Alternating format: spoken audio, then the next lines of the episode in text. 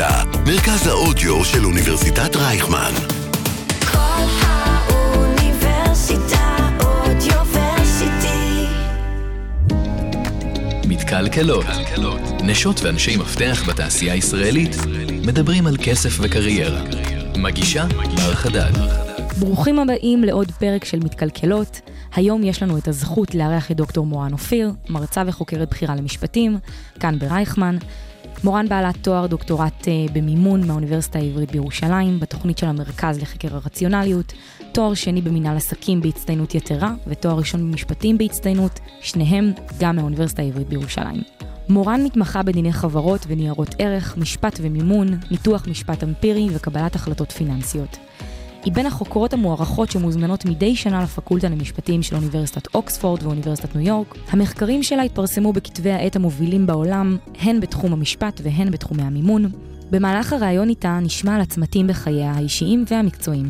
נבחן את נקודות המבט שלה על היותה אישה בכירה בתחומי האקדמיה והמשפט, ואיך לא על הפרויקטים הלא פחות ממדהימים שהקימה, כמו למשל פורום חברות.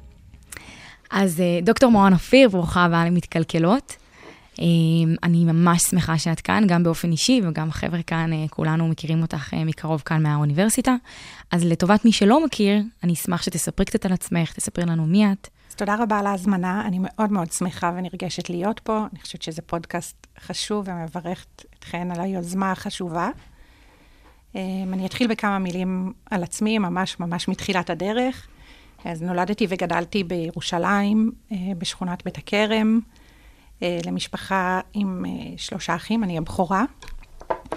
אה, לאורך כל הילדות שלי, ההורים שלי עבדו מאוד מאוד קשה, ועדיין התמודדו עם קשיים כלכליים, והעניין הכלכלי היה נוכח בחיים שלנו, כולל טלפונים מהבנק וכל מיני מגבלות ואיסורים. ולמרות שתמיד לא היה פשוט מבחינה כלכלית, ההורים שלי השקיעו לנו בחינוך, וכולנו הלכנו ללמוד בתיכון פרטי, שלושתנו. וההוויה הזאת של, של התחושת מחסור ומגבלות וכו', ושל איזושהי נוכחות של העניין הכלכלי, השפיעה עליי מאוד גם בבגרות שלי. מאוד אהבתי מתמטיקה, מתמטיקה היה לי תמיד מאוד מאוד קל, ואיכשהו הסתדר לי תמיד אה, במוח, הדברים, המספרים תמיד היו מסתדרים לי בלי שהייתי מתאמצת להם, וכל החידות המתמטיות תמיד מאוד מאוד עניינו אותי. וכשסיימתי את הצבא, חשבתי ללכת ללמוד מתמטיקה. ואז ההורים שלי אמרו לי, את תלמדי מתמטיקה, תסיימי מורה למתמטיקה בשכר נמוך, תמשיכי באותה הדרך שבה חווית את הילדות ואת הנעורים שלך, ואולי תלכי ללמוד מקצוע. ואיזה מקצוע כדאי לך ללמוד? תהיי עורכת דין, תהיי עורכת דין, כמובן. תשתכרי יפה, תעבדי קשה, אבל תתחי, תצליחי בעצם לצאת לאיזושהי עצמאות כלכלית. וזה כמובן השפיע עליי והשפיע על הבחירה שלי, אבל אף פעם לא ויתרתי על האהבה שלי למתמטיקה, ובעצם לכל אורך הדרך מצאתי דרך לשלב אותה. אני למדתי משפטים ביחד עם מסלול ישיר לתואר שני MBA במנהל עסקים, בהתמחות מורחבת במימון, שהוא תואר מאוד מאוד מתמטי ומאוד אנליטי. וגם במחקר שלי עד היום, גם במחקר משפטי, אני כותבת מודלים מתמטיים שנועדו בעצם אה, לבחון סוגיות משפטיות בצורה יותר מדויקת. אני עושה שימוש במאגרי נתונים גדולים, מה שנקרא Big Data Analysis, ומנתחת אותם גם בכלים סטטיסטיים ומתמטיים. בעצם מצאתי את הדרך לשלב לגמרי. את הידע ואת האהבה שלי עם העשייה המקצועית שלי, אבל עורכת דין לא נהייתי בסוף. אז רגע, אז סיימת את התואר, את התארים הכפולים, ואז מה קורה? אז, אז בעצם למדתי את התואר ביחד, תוך שלוש וחצי שנים סיימתי תואר ראשון במשפטים ותואר שני במנהל עסקים. וואו. החלטתי ללכת לעשות התמחות, אבל בד בבד התחלתי ללמוד לקראת דוקטורט, כי הבנתי שהמחקר מעניין אותי, שאני אוהבת ללמוד ושאני רוצה להמשיך ללמוד כל חיי. והיה לי שוב קשה להחליט בין התחומים, כי סיימתי גם מנהל עסקים וגם משפטים, ואמרתי, אולי גם בדוקטורט אני אשלב.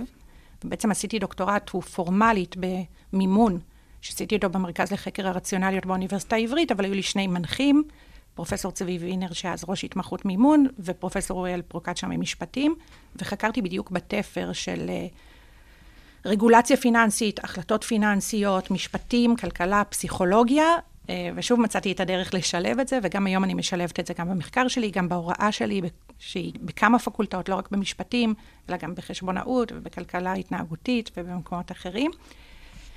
אה, ולכך אני לא, ות- לא מוותרת על האהבות השונות, ואני גם חושבת שיש איזשהו ערך מוסף, ב, אה, ערך מוסף בחיבור, וביכולת שלך באמת לדעת ולהכיר עד הסוף שני תחומים שלמים משיקים, שיש להם איזשהו חתך, ולהביא ככה משהו שאחרים שעוסקים בכל אחד מהתחומים האלה בנפרד, לא יכולים להביא, כי אין להם את הראייה ה- הבין-תחומית המיוחדת הזו. אז בעצם אנחנו פנינו אלייך, כי תכף אנחנו נדבר על זה, את אה, מייסדת פורום חברות, ועשית עוד הרבה הרבה דברים מעבר לאקדמיה, אבל אני רוצה שנדבר רגע ונצלול לנושא שהזכרת אותו, שהוא, שאת מאוד מאוד בקיאה בו, שזה בעצם כלכלה התנהגותית. אז אני יכולה להגיד שעד שאני לא באמת צללתי ובדקתי וחקרתי, לא היה לי מושג מה זה אומר. כלכלה התנהגותית, אה, כמו שמשתמע, זה כלכלה וההתנהגות שסובבת סביבה, אבל תסבירי רגע מה זה. אז, אז מה שמדהים זה שלא כולם מכירים את התחום עד הסוף, אבל כולנו חלק ממנו. חיים כי, את זה. כי, כי כולנו בעצם מתנהגים בצורה שבה הכלכלה ההתנהגותית אה, מנסה לחקור או לברר או להבין איך אנשים, איך נראית התנהגות אנושית.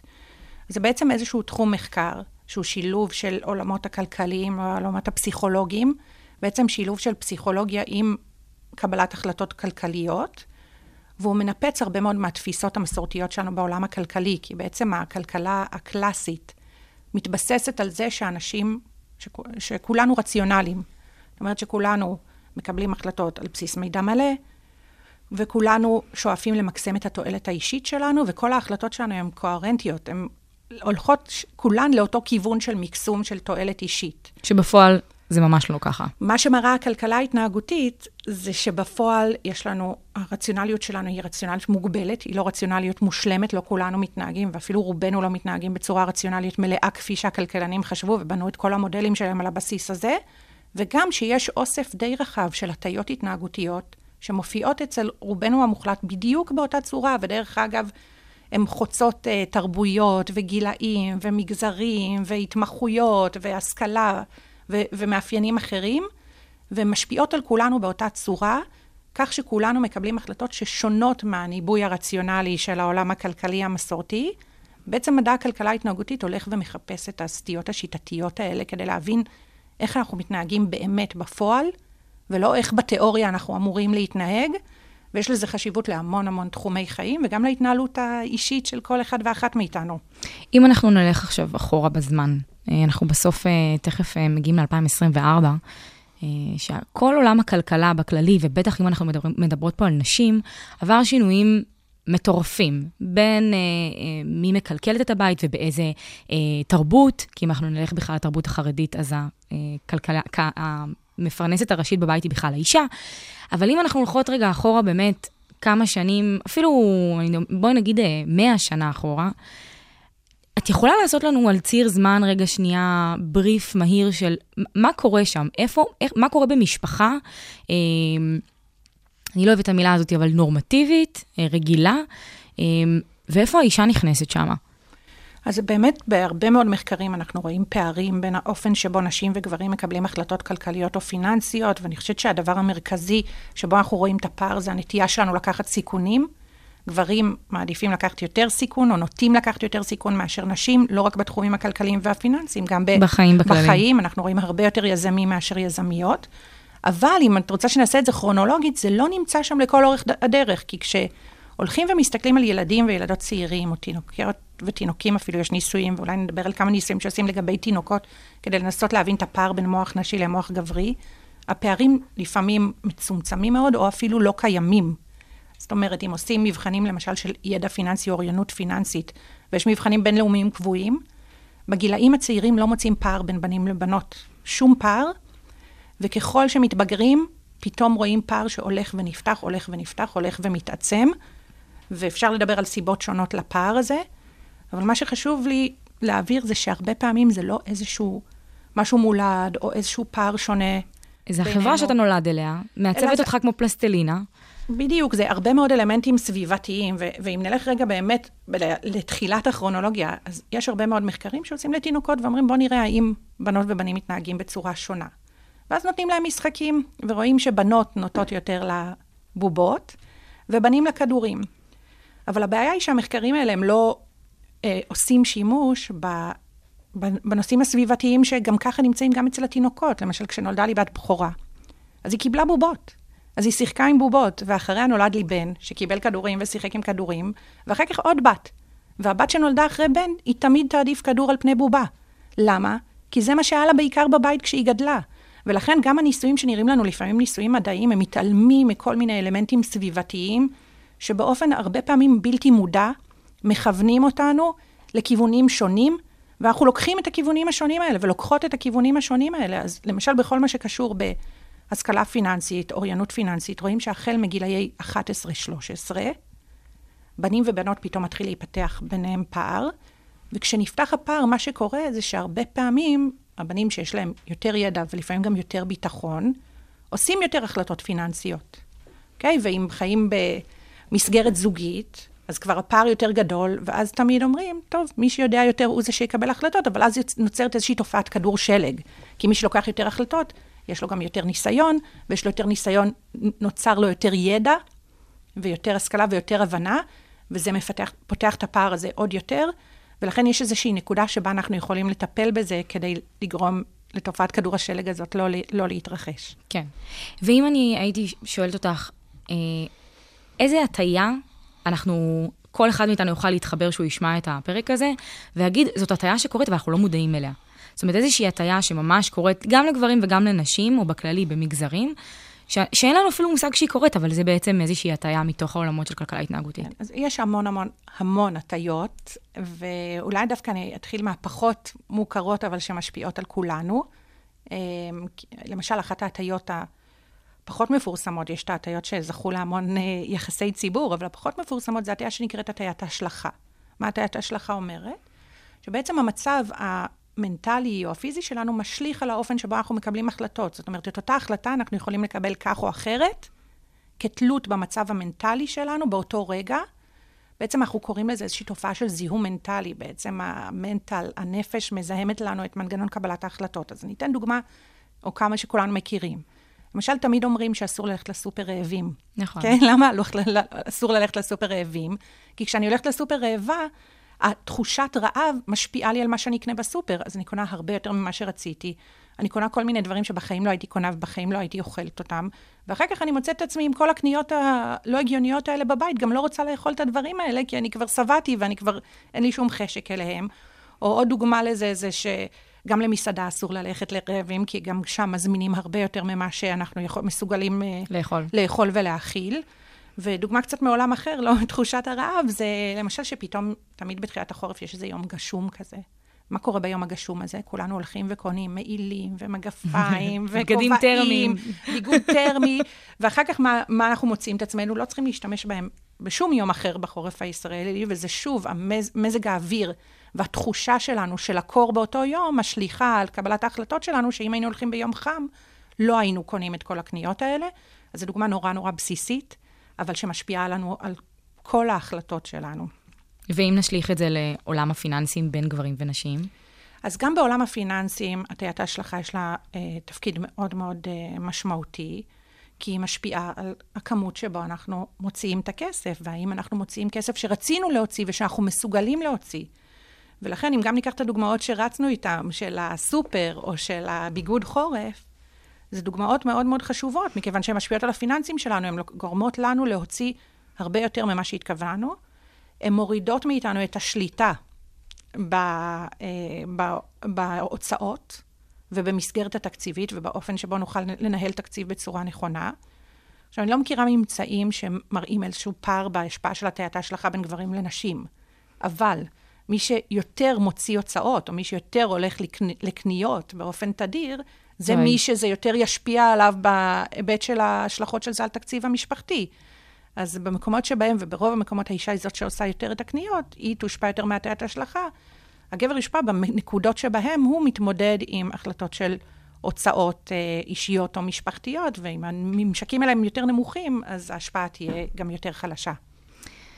זה מטורף. אה, עוד הטיות שאני אשמח שתספרי לנו עליהן, גם אם הן מפורסמות אה, ו... אה, וידועות, יש בבנקים ובגופים פיננסיים גופי אה, ביטוח אה, והשקעות ופנסיות וכולי. הטיות כבר מובנות בתוך המערכת. אני אשמח אם תוכלי לתת איזה שתי דוגמאות כאלה, גם על בנקים, הלוואות, אה, קבלת פרטים על החשבון בנק, שזה... מי, ש, מי ששומע את זה ושנייה רגע יורד לשורה התחתונה של הדבר הזה, זה, זה, זה מטורף. זה, זה הכי הכוונה של התנהגות. נכון, אז אני, אני רוצה לדבר על שני תחומים או שני נושאים התנהגותיים שאני חושבת שהם מאוד מאוד דרמטיים בהקשר הזה. וההטיה ההתנהגותית הראשונה שאני רוצה לדבר עליה זה הטיה שנקראת הטיית ההווה או present bias, שבעצם אומרת שאנחנו מעריכים יותר את ההווה, את מה שקורה כאן ועכשיו, ומעריכים בחסר את העתיד. ושוב, אני אתחיל עם תחומים אחרים לא פיננסיים, ותכף ניקח את זה לפיננסים, אבל יש לנו כל מיני ביטויים, כמו שאנחנו אומרים תמיד, אחרי החגים, אחרי החגים נתחיל את זה, נעשה את זה. קל לנו נורא להתחייב אחרי החגים. מיום ראשון דיאטה. בדיוק. ממחר דיאטה. כל יום אני אומרת, ממחר דיאטה, המחר הזה אף פעם לא מגיע. אני מוכנה להתחייב על דיאטה כשהיא תהיה מחר. אני לא מוכנה להתחייב על דיאטה כאן והיום. וזו גם תופעה מאוד מאוד חזקה ורווחת, שכולנו נותנים משקל יתר להווה, פחות מעריכים את העתיד. למה זה משפיע עלינו מאוד מאוד על הפיננסים? כי כדי לצרוך היום וליהנות היום ולבלות היום ולחוות היום, אנחנו מוכנים לחייב ולמשכן את העתיד שלנו. וגם, זה גם בהלוואות שהן הלוואות צרכניות, שאני היום רוצה לקנות אוטו, לנסוע לחו"ל, לחופשה, אני, מאוד קל לי לקחת היום את ההלוואה ולא לשקול את, איך אני אצטרך להתמודד עם להחזיר אותה בעתיד, ולא תמיד אני יכולה להחזיר אותה בעתיד, ולא תמיד אני גם מוכנה לשלם את המחיר של להחזיר אותה בעתיד, וזה מאוד מאוד בולט במשכנתאות. כי כשאנחנו הולכים לקנות דירות ויש לנו את החלום הישראלי של להיות בעלים של דירה, לבטון. לגמרי, אנחנו גם נקנה דירה הרבה יותר ממה שאנחנו אולי מסוגלים, הרבה יותר גדולה והרבה יותר טובה וממוקמת יותר טוב ממה שאנחנו מסוגלים, בדיוק בגלל הטיית ההווה הזאת. כי היום אני רוצה לקנות את דירת חלומותיי, ואני פורסת את זה ל-30 שנים, את התשלומים האלה. אז אני לא רואה היום מה יקרה לי בעוד 30 שנה, אני אפילו לא יכולה לדמיין את זה, ו- ו- ולצערנו, הרבה מאוד אנשים בגלל זה נתקלים או נקלעים למצבים שבהם הם לא יכולים לשלם את ההחזר. אז זה נקודה אחת, והשיטה, דרך אגב, הפיננסית, כולה מובנית על כך שאני היום מקבלת הלוואה או משכנתה, בצד ההלוואות כמובן, אבל מחזירה את זה על פני זמן. אני, אני רוצה להגיד לך משפט נורא נורא מצחיק כסטודנטית. כשהיה לנו את הקורס במימון, אז אחד המשפטים הראשונים שהמרצה שלנו למימון אמר זה, מי יודע מה זה ריבית? ואז הוא פתאום אמר, ואת רואה כזה, אני יועצת משכנתאות, למדתי יועץ משכנתה, ואני, זאת אומרת, אני כבר עברתי רגע את השיעור הזה שנפתחו לי העיניים. אבל היום, בגלל שאין חינוך פיננסי בתיכונים ובבית ספר, שלא נדבר בצבא, זה לא מעניין אף אחד, אנשים לא מבינים שריבית, הלוואה, כל ה... שבנק הוא חנות, הוא חנות פשוט של כסף. אנש... הריבית זה התשלום שאתה משלם על הכסף. ובדיוק מה שאמרת, גם על עניין המשכנתה וגם על עניין ההלוואות, אתה אומר, טוב, אני אלך לקחת הלוואה של 50 אלף שקל מהבנק, אבל בסוף אתה מחזיר כמעט 70. אז איפה ה-20 אלף שקל האלה? זה מה ששילמת על המוצר שנקרא כסף. ובהמשך למה שאני אה, רוצה לשאול אותך, את, מלמדת ואת חוקרת מאוד מאוד בכירה גם בשווקים אחרים, מארצות הברית ועוד. האם את רואה הבדלים משמעותיים תרבותיים בין התרבות הישראלית, של השפע, של הצרכנות, שאנחנו דרך אגב מאוד מושפעים גם מהתרבות האמריקאית, זאת אומרת, אנחנו, אנחנו ככה מאוד, כי גם הם ככה.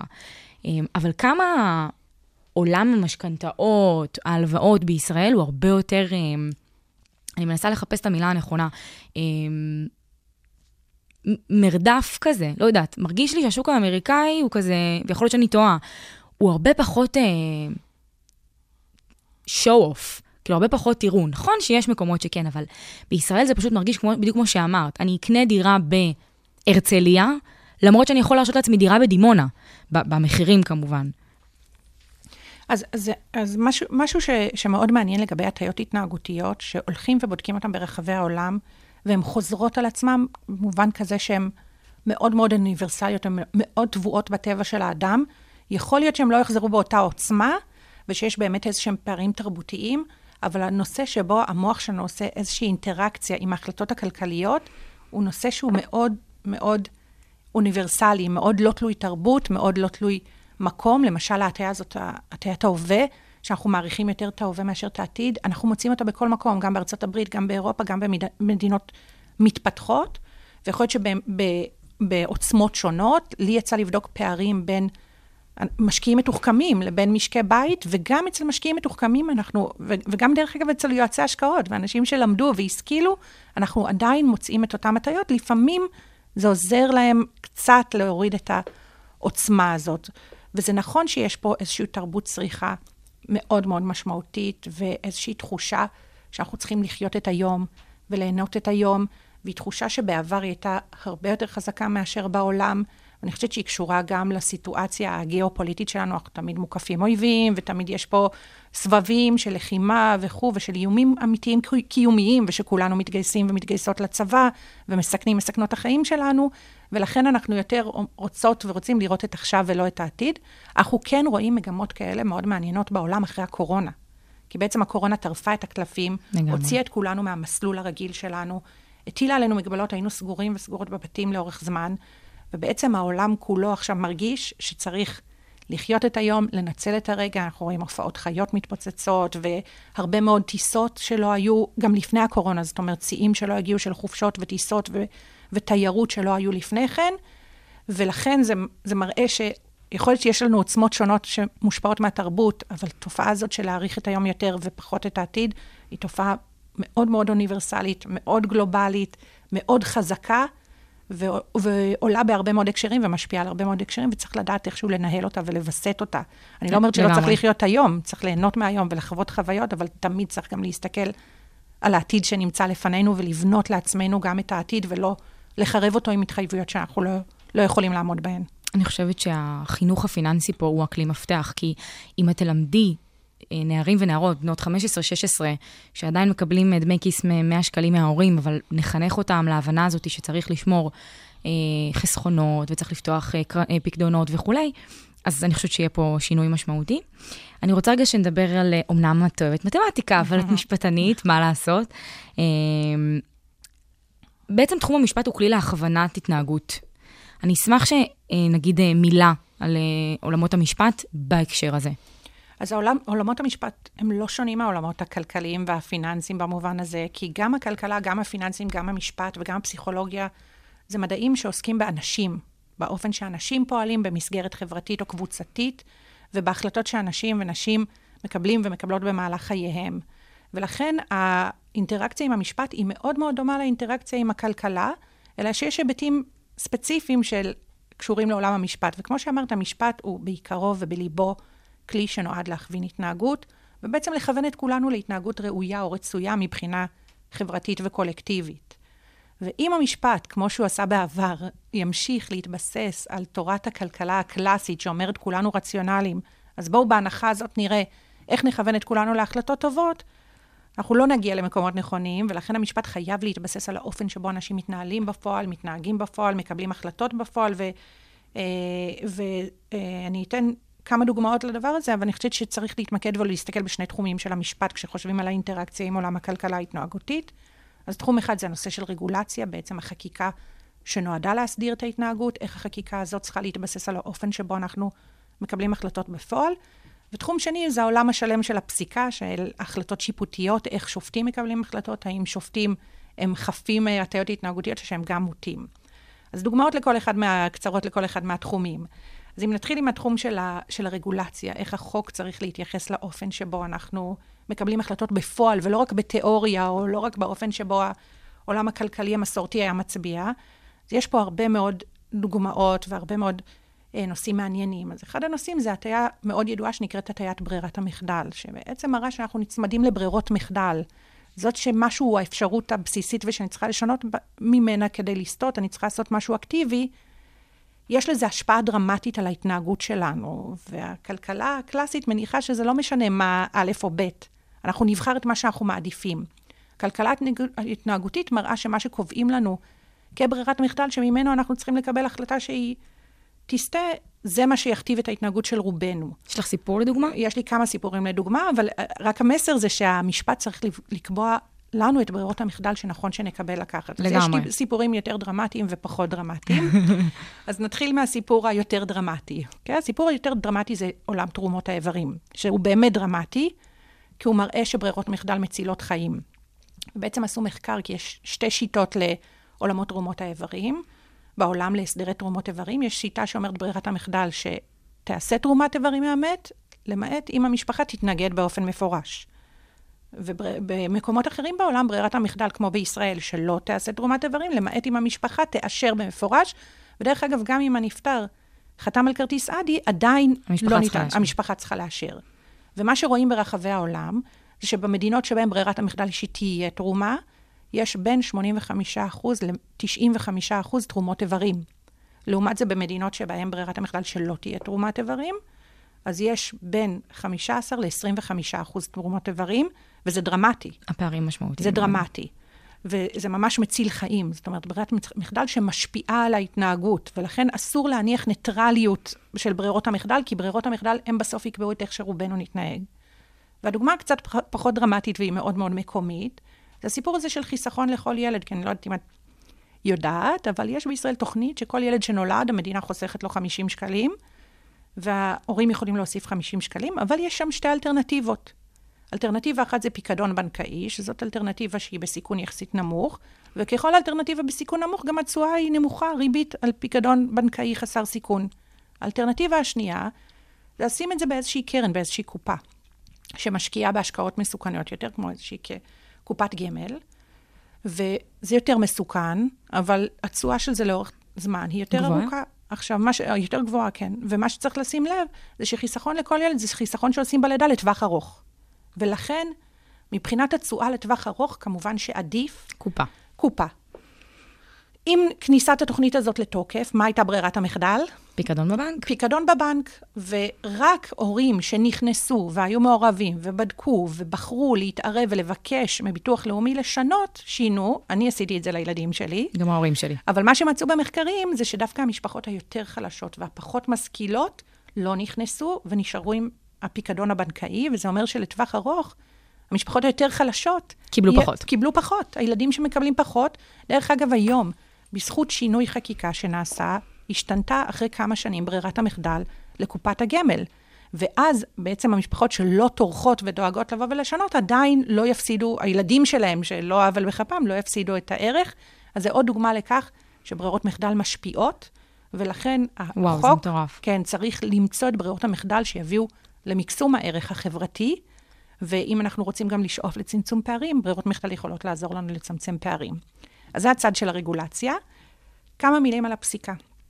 שופטים מעסיקים אותנו מאוד, ואנחנו, חשוב לנו בתור אזרחים ש, שכפופים להחלטות בית המשפט להבין מה המנגנונים שעומדים בפני שופטים שמקבלים החלטות. ומה שמוצאים במחקרים זה שגם שופטים ושופטות הם בני אדם, וגם הם מוטים... קטע בהט- כזה. כן, כמוני, כן. כמוך, כן. רק הוא פשוט שופט. נכון, וגם הם מוטים בהטיות התנהגותיות, והטיות התנהג- התנהגות האלה יכולות להשפיע על החלטות שלהם באופן מאוד שיטתי. אז אחת מההטיות ההתנהגותיות שנבדקה בהחלטות שיפוטיות היא הטיה שנקראת הטיית העיגון.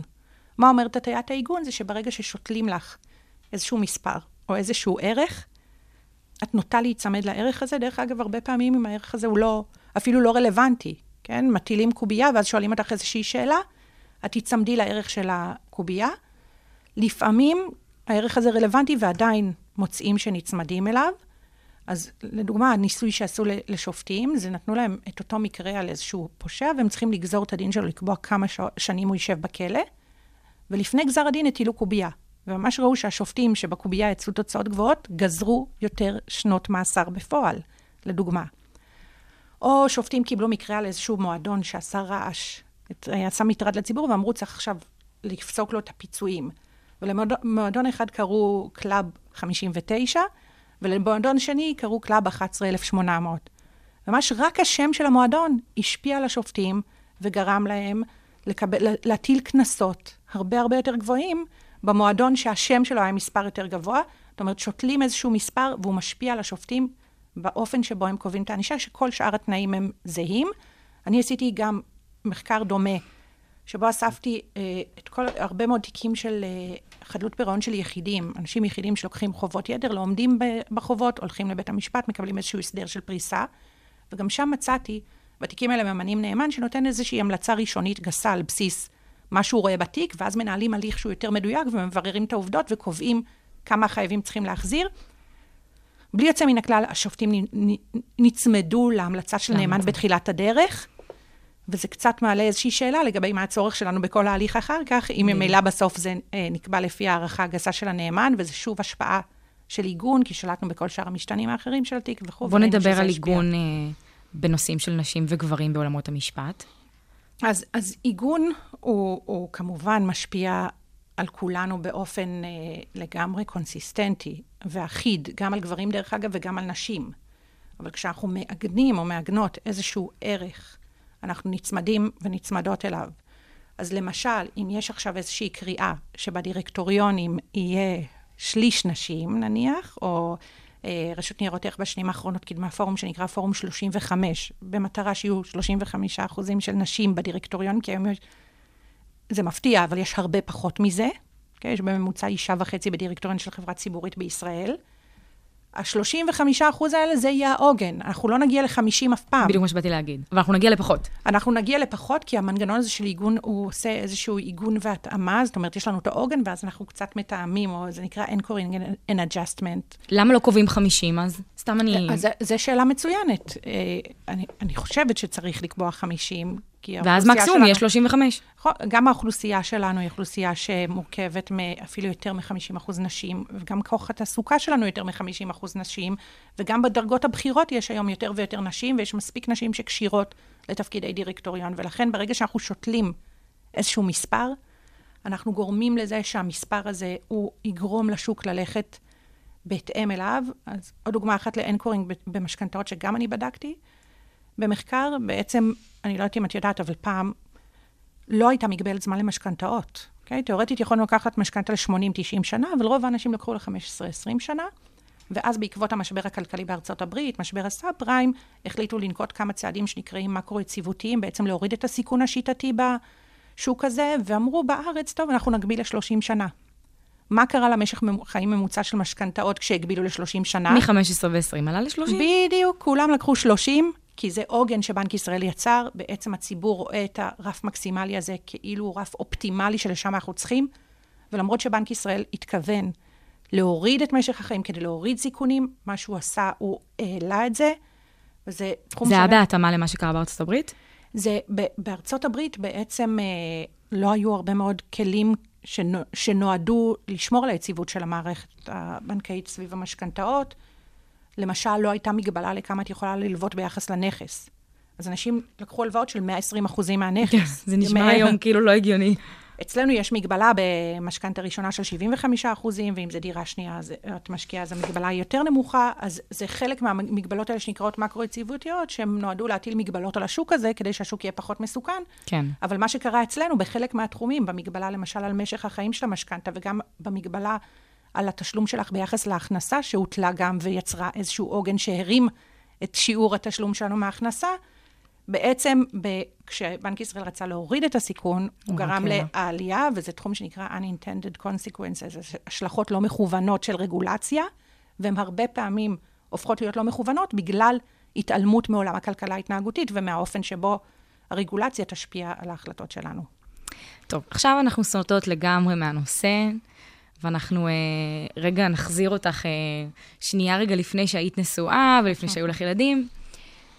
שאלה שאני זורקת אותה לאוויר, ואז ככה נפתח אותה. את חושבת שגבר צריך לשלם אה, בדייט ראשון על אישה? אז קודם כל, את באמת זורקת אותי אחורה בזמן, זה כבר נראה לי פרק זמן שקשה מאוד לדמיין. אבל אני כן ערה לדיון הזה, ש, שדרך אגב, הוא הופך להיות יותר ויותר ער ככל שרמת המחירים עולה. בדיוק. ולצאת הופך להיות סיפור מאוד מאוד יקר, ואנחנו עדיין חיים באיזושהי תרבות שיש בה איזושהי אמונה או תפיסה בסיסית שהגבר צריך לשלם בדייט הראשון, או לא.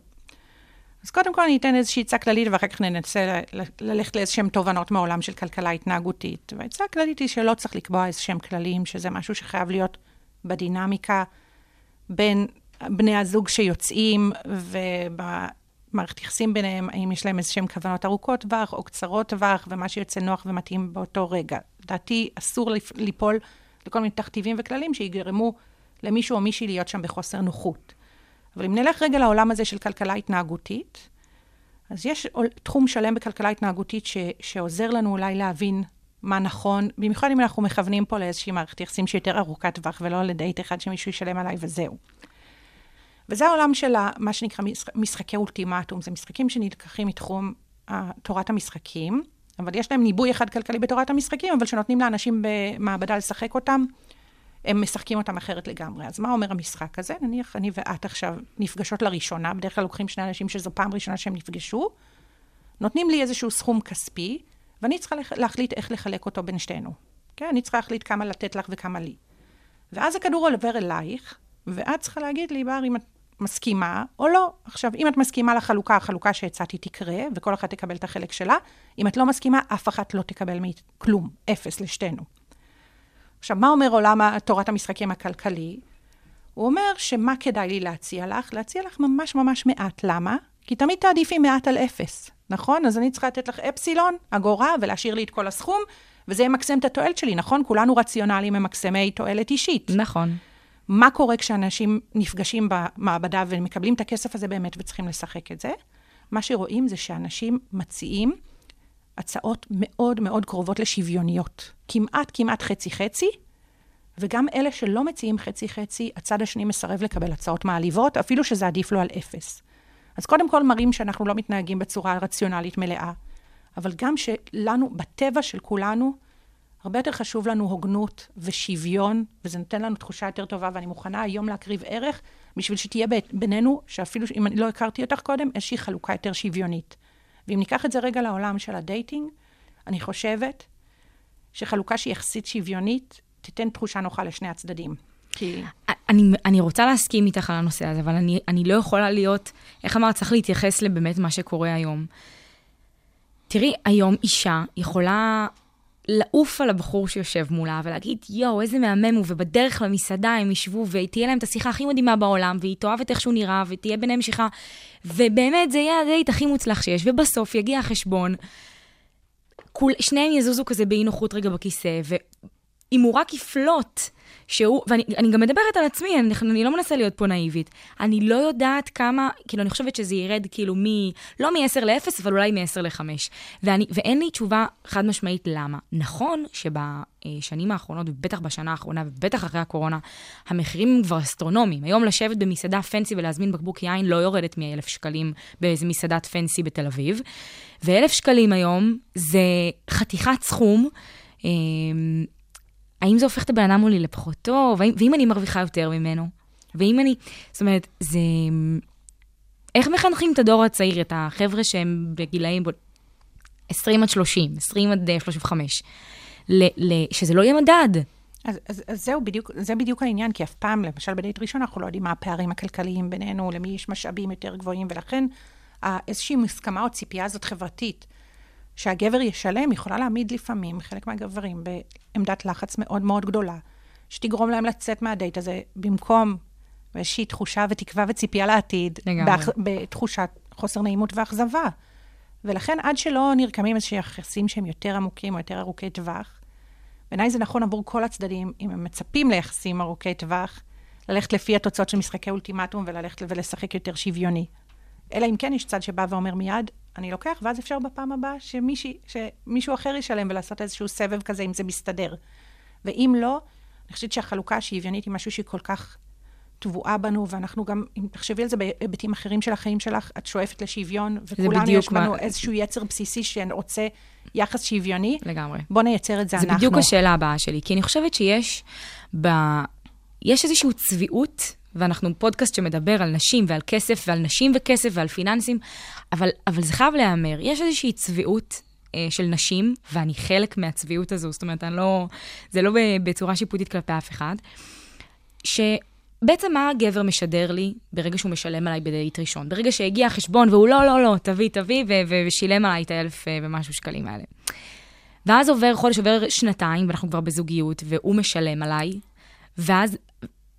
אבל אני רוצה להיות שוויונית, אני רוצה שהמערכת יחסים שלי תהיה שוויונית, אבל, אבל המערכת יחסים שלך היא לא שוויונית. ואת יכולה שוב להרוויח יותר ממנו, או להרוויח זהה לו, או... או... זאת אומרת, זה לא שלא יכולת לשלם את האלף שקלים האלה.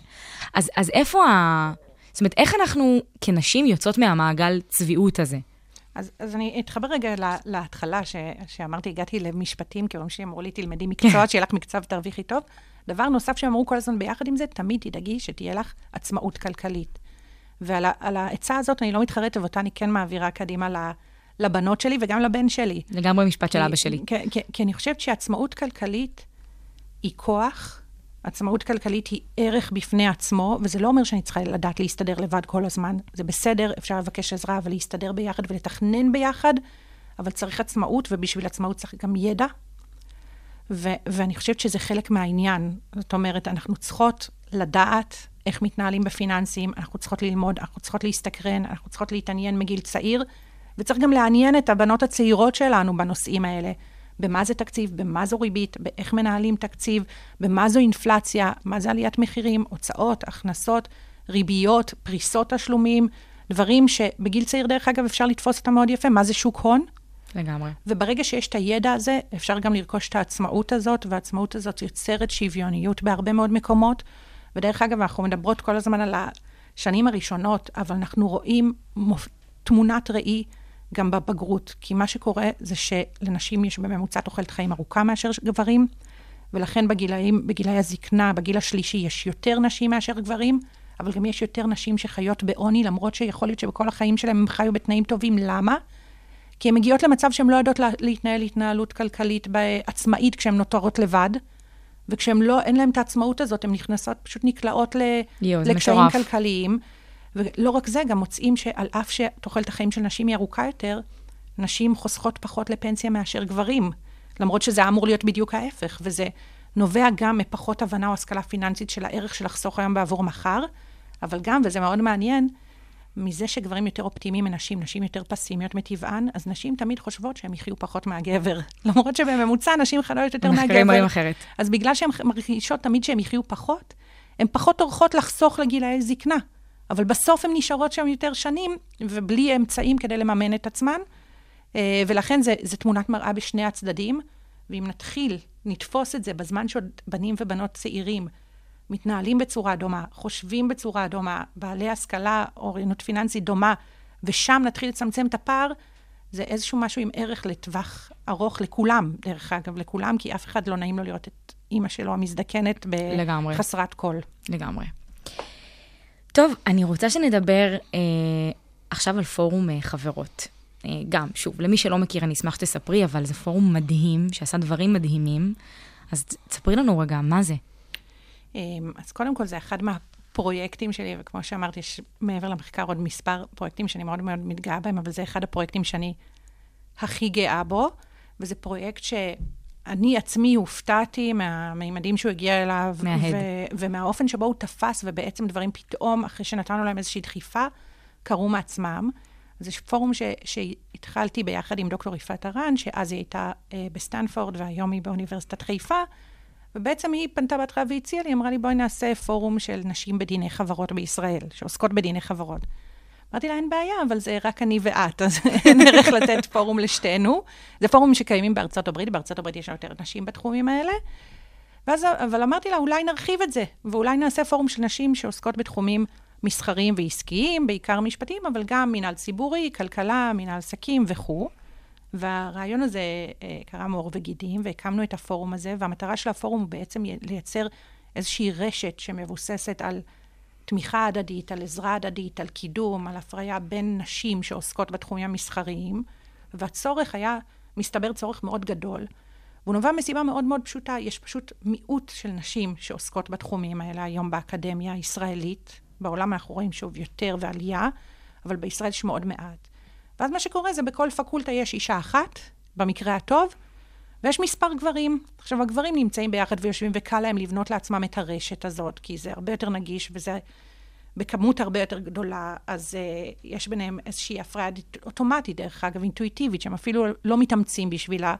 ואנחנו שיושבות כל אחת ומרוחקת כמה שעות נסיעה, וגם ככה נורא נורא עסוקות ועובדות קשה, ואין לנו פנאי ל- לעשות עוד משהו כדי לבוא ולפגוש ולייצר את הרשת, לא מצליחות לבנות לעצמנו את הרשת, והרשת בכל, גם באקדמיה, אבל בכל אה, הק- אה, דרכי הקריירה, רשת אה, מקצועית זה וואו, דבר זה דרמטי. וקריטי נכון. לצורכי קידום, לצורכי התפתחות מקצועית, לצורכי שגשוג והגשמה עצמית. ואמרנו, בואו נבנה רשת כזאת. קודם כל נאסוף את כל מי שבעניין ושהיא חלק מהרשת. גם בארץ, יש לנו גם חברות מארצות הברית וגם מאירופה, ישראליות שעובדות באוניברסיטאות זרות. נייצר מפגשים אקטיביים, נגרום להם להיפגש ביחד, ואנחנו עושות באמת כנסים, יש לנו כנס גדול שנתי, אבל גם כנסים תקופתיים שנפגשים ביחד. בישראל. בישראל. ננצל, נייצר פלטפורמה שבה הן יכולות לייצר אינטראקציה אחת עם השנייה, לקדם את המחקרים אחת בין השנייה, להתייעץ, לחקור ביחד. והאמת היא שהופתענו מכמה מהר הדבר הזה קרה, וכמה גורמים ושותפים רוצים להצטרף אלינו לדרך, אה, ולקחת חלק בדבר הזה, ופתאום הרבה התחילו לכתוב ביחד, והתחילו לצטט אחת את השנייה, שזה מדדים שעוזרים לנו לצורכי קידום, ופתאום בכנסים, לא רק בכנסים שלנו, פתאום בכנסים אנחנו רואים יותר גיוון מגדרי. אם פעם הייתי הולכת לכנסים והייתי האישה היחידה, היום אני רואה שיש על זה הרבה יותר הקפדה ותשומת לב בארץ, מה שלא היה קיים בכלל. לפעמים הייתי מקבלת טלפונים והיו אומרים, אה, את חייבת לבוא להיות יושבת ראש של מספיק נשים." פאנל, כי אין לנו אף אישה בכנס. יואו. אוקיי? היום אנחנו רואים, גם אנחנו מציגות לציבור שיש נשים בתחום הזה, שאין איזושהי טענה אז בדיוק שתגיד מה אין שרציתי נשים. לשאול. לומדים משפטים, ואז מגיע השלב שצריך לבחור מה אתה רוצה לעשות, נכון? במה אתה רוצה להתמחות. ואז, את רוצה להגיד לי שבעצם רוב הנשים בכלל לא הולכות לדיני חברות, אלא הם ילכו לדיני משפחה, וילכו לדיני... אה, אז באופן מסורתי, באקדמיה המשפטית בישראל, הנשים נמצאות בתחומים שסומנו כיותר נשים, שהם דיני משפחה והם דיני עבודה. דרך אגב, אין הרבה נשים באקדמיה הישראלית באופן כללי, שזו תופעה נורא מפתיעה, כי במשרדי עורכי דין יש כבר רוב של, של נשים, נשים. נשים, וגם בפקולטות למשפטים, לי יש רוב של סטודנטיות, ועדיין באקדמיה אנחנו רואים יחסית מיעוט של נשים, ואם הנשים הולכות לאקדמיה, הולכות למקצועות שנתפסו, או תחומים שנתפסו יותר נשיים. אני, בגלל הנטייה המתמטית שלי, הלכתי לעולם של חברות וניירות ערך, כי שם יש הרבה יותר מה לעשות עם, עם או בניתוח כלכלי של המשפט, עם, עם נושאים כאלה, ואז פתאום מצאתי את עצמי יחסית לבד. ואז אמרתי, רגע, פתאום זה אה, אה, גרם לי לחשוב על הנושא הזה. היו לך ולראות- מרצות באוניברסיטה? מעט מאוד, ובטח לא בתחומים האלה. אז זהו, כי היום אני חושבת שאני- ש- שלא בכוונה, מה את מייצרת בעצם? את עומדת, היום כסטודנטים אנחנו עומדים מול המרצים, יושבים מול המרצים שלנו, ובעצם הם ה... אני רוצה להיות כזה, או אני רוצה להיות כזו. אז כשאת מלמדת אה, ואומרת, היי, שלום, אני דוקטור ואני מתמחה בדיני אה, חברות, אז, אז הסטודנטית שיושבת שם תגיד, וואלה, לא בא לי להיות אה, בהתמחות אה, בדיני משפחה, אלא אני רוצה להיות אה, כמו דוקטור מורן אופיר. אז, אז קודם כל, אני ממש, אני ממש מרגישה את זה. אני מרגישה את זה שלבחירות ולהחלטות שלי יש איזושהי השפעה, ולא רק למה שאני עושה כלפי אחרים, כי חלק מהמטרות של הפורום, דרך אגב, זה לתמוך בתלמידות מחקר, במסטרנטיות, בדוקטורנטיות, אנחנו משלבות אותן ועוזרות להן, ושהחוקרות הבכירות יתמכו בצעירות. אבל כשאני פוגשת באמת את הסטודנטים, אני פתאום רואה את האפקט של זה, ובסוף כל קורס באות אליי סטודנטיות ואומרות לי, את מקור להשראה עבורי, בחרתי, העדפתי, הלכתי לדרך הזאת, ואני רואה יותר ויותר סטודנטיות שהולכות בדרך הזאת. עכשיו סיימה אצלי תלמידת מחקר לתואר שני מדהימה, שהיא סיימה ראשונה בשנתון שהיה בנושא לגמרי מסחרי, שכתבה תזה על חלוקת דיבידנד מהיבטים חשבונאיים ומשפטיים. מדהים. וזה מחלחל, ואני חושבת שבמעשים שלנו ובהחלטות שלנו ובפעולות שלנו, אנחנו משפיעות במידה רבה, אבל זה לא מספיק, ולכן היה איזשהו צורך להקים רשת כזאת, שגם אקטיבית נוכל לעזור ונוכל לתמוך ונוכל בעצם לעשות מה שקורה אצל הגברים באופן אינטואיטיבי, ללא מאמץ, כי הם גם ככה רבים וקרובים ומחזיקים בעמדות יותר בכירות, אז אנחנו צריכות לייצר את זה ולדחוף לזה, אבל אנחנו גם יכולות לעזור אחת לשנייה ולקדם אחת את השנייה ולתמוך אחת בשנייה ו- ולהוביל בדרך. ושוב, אני אסירת תודה לכל הגברים שליוו אותי בדרך.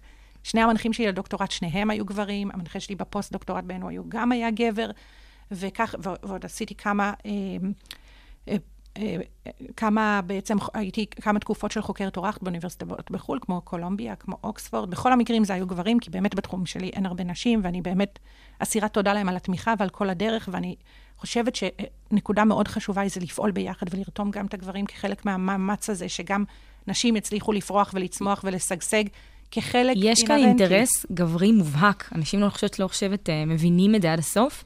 בכל הנושא שדיברנו פה עכשיו, ובכללי, בכל הנושא שהפודקאסט הזה בכלל מתעסק בו, נכון שיש אינטרס נשי, אבל יש פה אינטרס גברי מובהק לזה שיהיה שוויון ולזה שיהיה אה, אה, אה, מגוון, אה, גם בדירקטוריונים וגם בעולמות אה, משפטיים כאלה ואחרים, וגם בהתמחויות וגם בעולמות פיננסיים.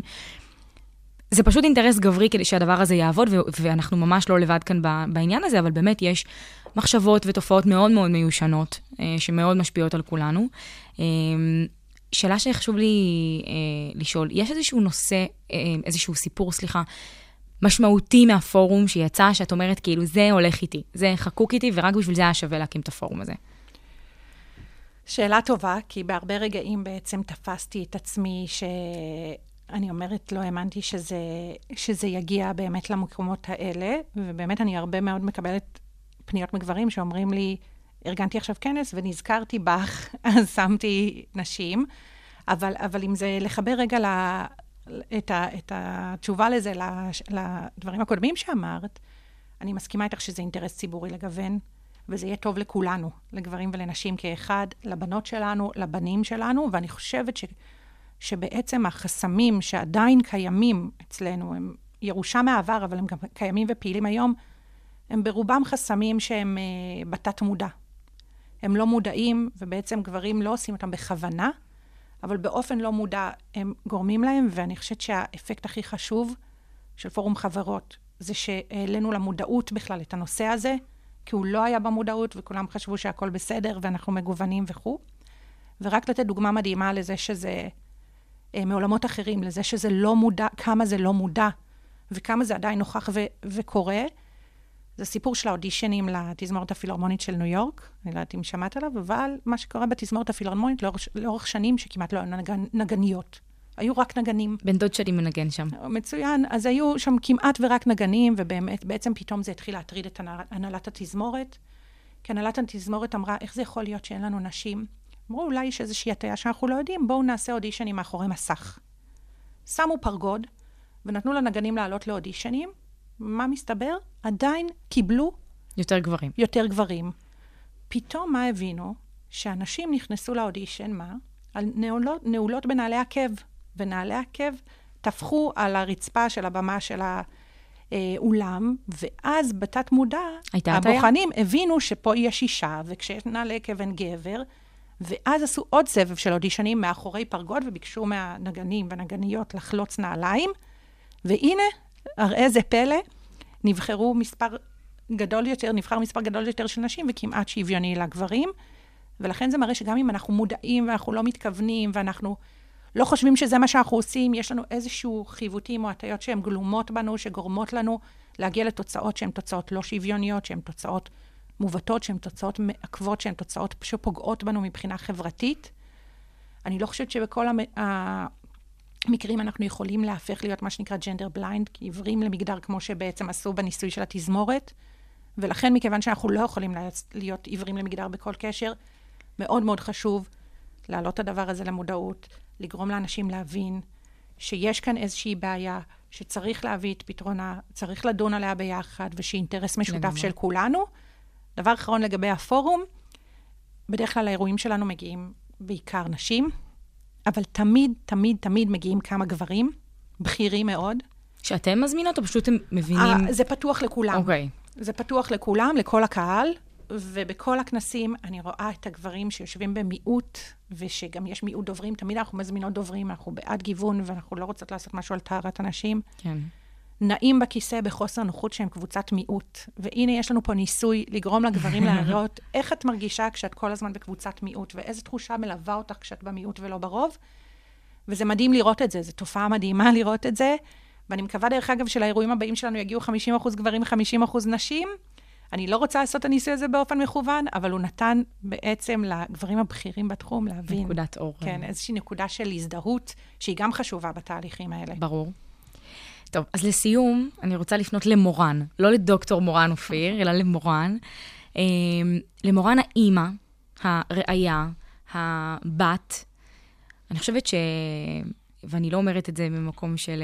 אבל באמת חשוב לי להגיד לך שכשכתבנו את הפודקאסט הזה ועשינו את התחקיר, את הגעת למק- למקומות שסטודנטים וסטודנטיות, בסדר? סטודנטיות, יכולות לחלום להגיע אליהם, ובטח שזה חצה את אה, גבולות מדינת ישראל, ושהגעת לניו יורק, ובאמת, לאן לא. אה, ולהגיע בתור חוקרת, בכירה, אה, לאותן אוניברסיטאות, שכשאנחנו ישר מדמיינים אותם בראש, אנחנו מדמיינים מלא אנשים בחליפות כזה, נכון? אה, כזה אנשים אה, מבוגרים כזה הולכים ומרצים שם, ופתאום דוקטור מורן אופיר. א', מה הוויתורים? אה, אני אשמח שתספרי מה שדיברנו לפני כן, על, על העניין הזה שאת טסה המון, ואת אה, נשארת שם תקופת זמן לא מבוטלת בלי הילדים. איך בעצם מייצרים את הסינכרון הזה בין כל הדברים של אני גם אשת קריירה מצליחה, אה, ש, שדרך אגב, וצריך להגיד את זה, אה, בולטת מאוד בתחום מאוד מאוד גברי, גם בישראל וגם בעולם. וגם מצד שני, אני אשת משפחה ואני אימא, ואני הולכת לחוג של הילד שלי, ואני עושה לו שניצלים, ואני לא יודעת. שניצלים אצלנו זה האבא, אבל... אה, אוקיי, הנה, כן, הנה הפתרון. אבל זה חלק מהתשובה, כן. לא, אני גם, מכינה, אבל השניצלים זה התפקיד, אה, יש חלוקת תפקידים. בכל מקרה, קודם כל, תודה רבה על הדברים, וזה באמת מרגש אותי ומחמיא לי, ואני איכשהו אף פעם לא מרגישה שזה מספיק. אני תמיד חושבת על הדבר הבא, ותמיד רוצה להסתכל קדימה ולשאוף ולעשות עוד ועוד ועוד. אבל כן צריך להבין כמה דברים. אחד, שזה לא הולך ולא יכול להצליח בלי פשרות ובלי ויתורים, וצריך לקחת את זה בחשבון מראש, וגם להיות שלמה עם הדברים האלה. אז דרך אגב, כשהילדים היו יותר צעירים, ומה שהיו תינוקות, אז לא רציתי להשאיר אותם לבד, אז הרבה פעמים הייתי לוקחת אותם איתי, ואם אני לוקחת, כולל מסעות מטורפים, שהם היו תינוקות קטנים ויונקים, ונסעתי לארצות הברית לכמה אוניברסיטאות, ואז את צריכה לקחת גם את הבן זוג איתך, וזו הנקודה השנייה שתכף אני ארצה להתרכז בתמיכה של הבן זוג והשותפות, כי אי אפשר לעשות את זה לבד. עכשיו שהם קצת יותר גד- גדלו, והם עדיין לא כל כך גדולים, אבל הם קצת יותר גדלו וקצת יותר עצמאיים, והם טיפה התנתקו מהתלות שלהם בי, אז אני מרשה לעצמי הרבה הרבה יותר לנסוע, ובאמת השנה, הייתי רוב השנה באוניברסיטאות אה, בחו"ל, ובאמת זה פותח לך הרבה מאוד אפשרויות והרבה קשרים חשובים, ולחשוף את המחקר שלך למקומות בינלאומיים, ולהוציא אותם באמת מהספירה המקומית, לא שהיא לא חשובה, בעיניי מאוד מאוד חשוב להשפיע ולתרום בספירה המקומית, אבל גם הספירה הבינלאומית היא חשובה. אז כן, אני מרשה לעצמי יותר, וזה לפעמים במחיר שאתה מפסיד אירועים שהם מאוד מאוד אה, חשובים או, או דומיננטיים. הבן שלי נבחר לאולימפיאדה למתמטיקה, ובדיוק הייתי בטיסה, והאמת היא שלפני שיצאתי בבוקר, אמרתי לו, עשיתי לו שיחה, לפני שיצאתי לשדה תעופה, עשיתי לו שיחה, ואמרתי לו, כל הכבוד שנבחרת, מה שחשוב זה תהליך, תהנה מהיום, התוצאה לא חשובה, לא חשבתי ש... שמשהו יקרה. ובדיוק כשאני ממריאה במטוס, בעלי שולח לי תמונה שהוא זכה במקום יואו. הראשון, ואני לא שם, אז ממש ירדה לי דמעה מהעין מתוך איזושהי הרגשה שבשביל זה, ואני מחמיצה דברים כאלה משמעותיים, אבל צריך להיות שלמים ולשמוח ולהבין שיש ויתורים מפה וגם יש ויתורים משם, אי אפשר לעשות שום דבר עד הסוף, אבל מצד שני מנהלים חיים שהם חיים יותר שלמים ומוצלחים, אבל זה כן כרוך בעבודה מאוד מאוד מאוד קשה וסיזיפית, אני עובדת המון, והדבר השני החשוב זה השותפות עם הבן זוג ועם המשפחה וגם ההבנה וההכלה של הילדים את הדבר הזה, אז יכול להיות שאני לא נמצאת בחלק מהאירועים או הטקסים אה, או נקודות אחרות שהן משמעותיות בחיים שלהם, אבל מצד שני הם משיגים אימא שמגשימה את עצמה ורואים את זה כאיזשהו מודל, ובלי באמת העזרה והתמיכה של בן הזוג שלי, אה, שגם הוא מפתח קריירה עצמאית משלו, ובעצם אנחנו לוקחים ומאזנים עם תקופות שבהן הוא יותר נותן את המשאבים שם, ואני יותר נותנת משאבים בבית, וההפך. אנחנו מצליחים שנינו, שוב, לא, לא בלי הרבה ויתורים ובלי הרבה קשיים ובלי הרבה עבודה קשה, אבל להגיע למקומות שאנחנו שואפים איתם ומרגישים טוב ומרגישים שלמים איתם, ובחיים לא הייתי מוותרת על משפחה, זה הדבר בעיניי הכי חשוב וזה הבסיס, ו- ואני חושבת שגם כשאת מקדישה לילדים ולמשפחה, את לא בהכרח תעבדי פחות, או לא בהכרח תשיגי הישגים שהם פחותים, אלא את יכולה ביחד עם זה לנהל יותר טוב את הזמן, לקבל פרספקטיבות, להיות יותר יעילה, לעבוד יותר קשה ולהשיג הישגים שהם לא, לא פחותים אה, באופן כללי, אבל כן, זה מורכב וזה לא פשוט, וצריך לקחת את זה בחשבון גם כשיוצאים לדרך. אני חושבת ש... ואני אומרת את זה בתור ילדה לאימא כזו, שכשאתה ילד ואתה רואה את אימא שלך מגשימה את עצמה, ועושה ככה את המסלול, אה, כל אחת בתחומה, אבל עושה ככה את המסלול אה, כוכבים שלה, זה מאוד מאוד משפיע עליך ועל ההחלטות שלך ועל זה שאתה רואה שהכל אפשרי, וזה זה, זה משפיע.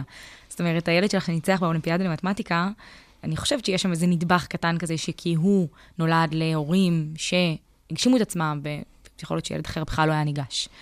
אה, שתי שאלות אחרונות.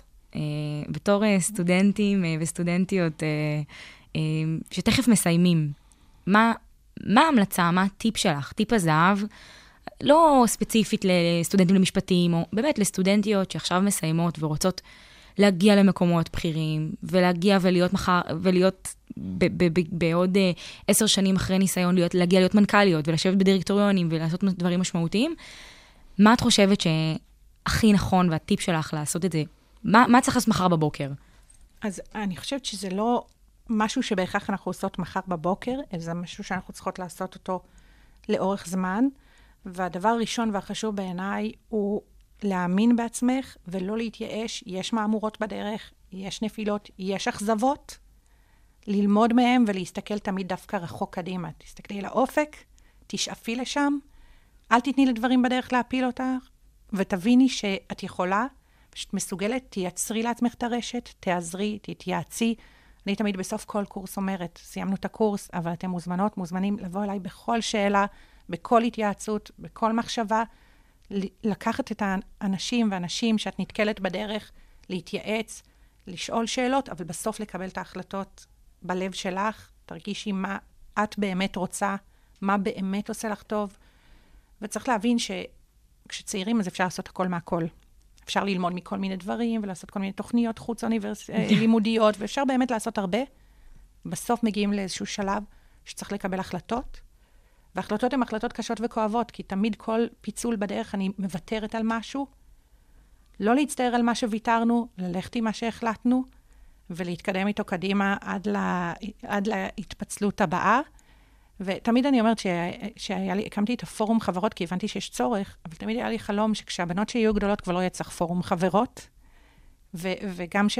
אני חושבת שסטודנטיות הנוכחיות, שיהיו כבר 10-20 שנה בשוק התעסוקה, כמו שאני עכשיו, שלא יצ... לא נצטרך להקליט פודקאסט כזה, בעצם, שיגיד איפה יש פערים, ואיך אנחנו מתקנים אותם, ואיך אנחנו יוצרים אותם. אני חייבת להגיד שהיום אני קצת פחות אופטימית, אבל אני חושבת שאם כולנו כן נפעל לטובת המטרה הזאת, ובסך הכל באקדמיה עכשיו יש רוב של סטודנטיות כמעט בכל המחלקות וכמעט בכל המוסדות, אין סיבה שלא יהיה פה בעתיד היותר רחוק איזשהו שוויון, ושלא נצטרך פודקאסט חברות, ולא פודקאסט מתקלקלות ופורום חברות, וכל מיני חושבת, גופים כאלה. אני, אני באמת מאמינה בזה, שנשות מפתח היום בתעשייה, כמו הנשים שבאות להתראיין כאן, הם אה, גורם מאוד מאוד חשוב במשוואה.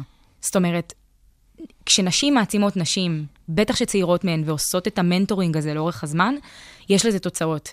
כי לפעמים, אין מה לעשות, אם, אני לא אבוא מהדלת, אז אני אבוא מהחלון, אבל אני צריכה שמישהי תפתח לי את החלון בשירותים כדי להיכנס. נכ- אז, אה, אז נכון, צריך הרבה שיפתחו דלתות וחלונות, אבל צריך גם אותך, לגמרי. שלא תתייאשי, ושתלכי עם זה עד הסוף, ושתשימי את הרגל בדלת, בחרית של הדלת שנפתח, ולא תוותרי, תיכנסי שם בכל הכוח. שאלה אחרונה, אחרונה וקצרה, מה את מאחלת לעצמך? את בתקופה עמוסה, נכון. בתקופה של עשייה. נכון. אני, דרך אגב, לא רואה את עצמי לא עמוסה או לא עושה ב- בעתיד. אה, אני מאחלת לעצמי שרק אה, הכל ימשיך ככה, ושנהיה בריאים, ושיהיה פה קצת יותר אה, שקט ונעים. אה, וכמו שאמרתי, שהבנות שלנו כבר לא יצטרכו אה, דיון מיוחד על הנושא הזה, שזה כבר יהיה מוטמע וברור וטבוע לכולם, שכולנו שווים ולכולנו יש יכולות, ושכולנו יכולים להגיע לאותן פסגות אם אנחנו רק רוצות ורוצים. מהמם. טוב, תודה רבה. היה לי הכי כיף שבעולם. היה מאוד מאוד מעניין, ואני מקווה שגם את נהנית. נהניתי מאוד, תודה רבה. תודה לך. אני רוצה להגיד תודה ענקית לצוות המדהים של אה, מתקלקלות. אז תודה רבה לדניאל גולדברג, לשקד מזרחי, לישי ברביבאי ולגדי מזרחי המדהימים שלי. אז שוב תודה גדולה לדוקטור מורן אופיר, ואנחנו מחכים לכם בפרק הבא של מתקלקלות. כל התוכניות והפודקאסטים שלנו זמינים עבורכם באתר האינטרנט ובאפליקציות הפודקאסטים הנבחרות. חפשו כל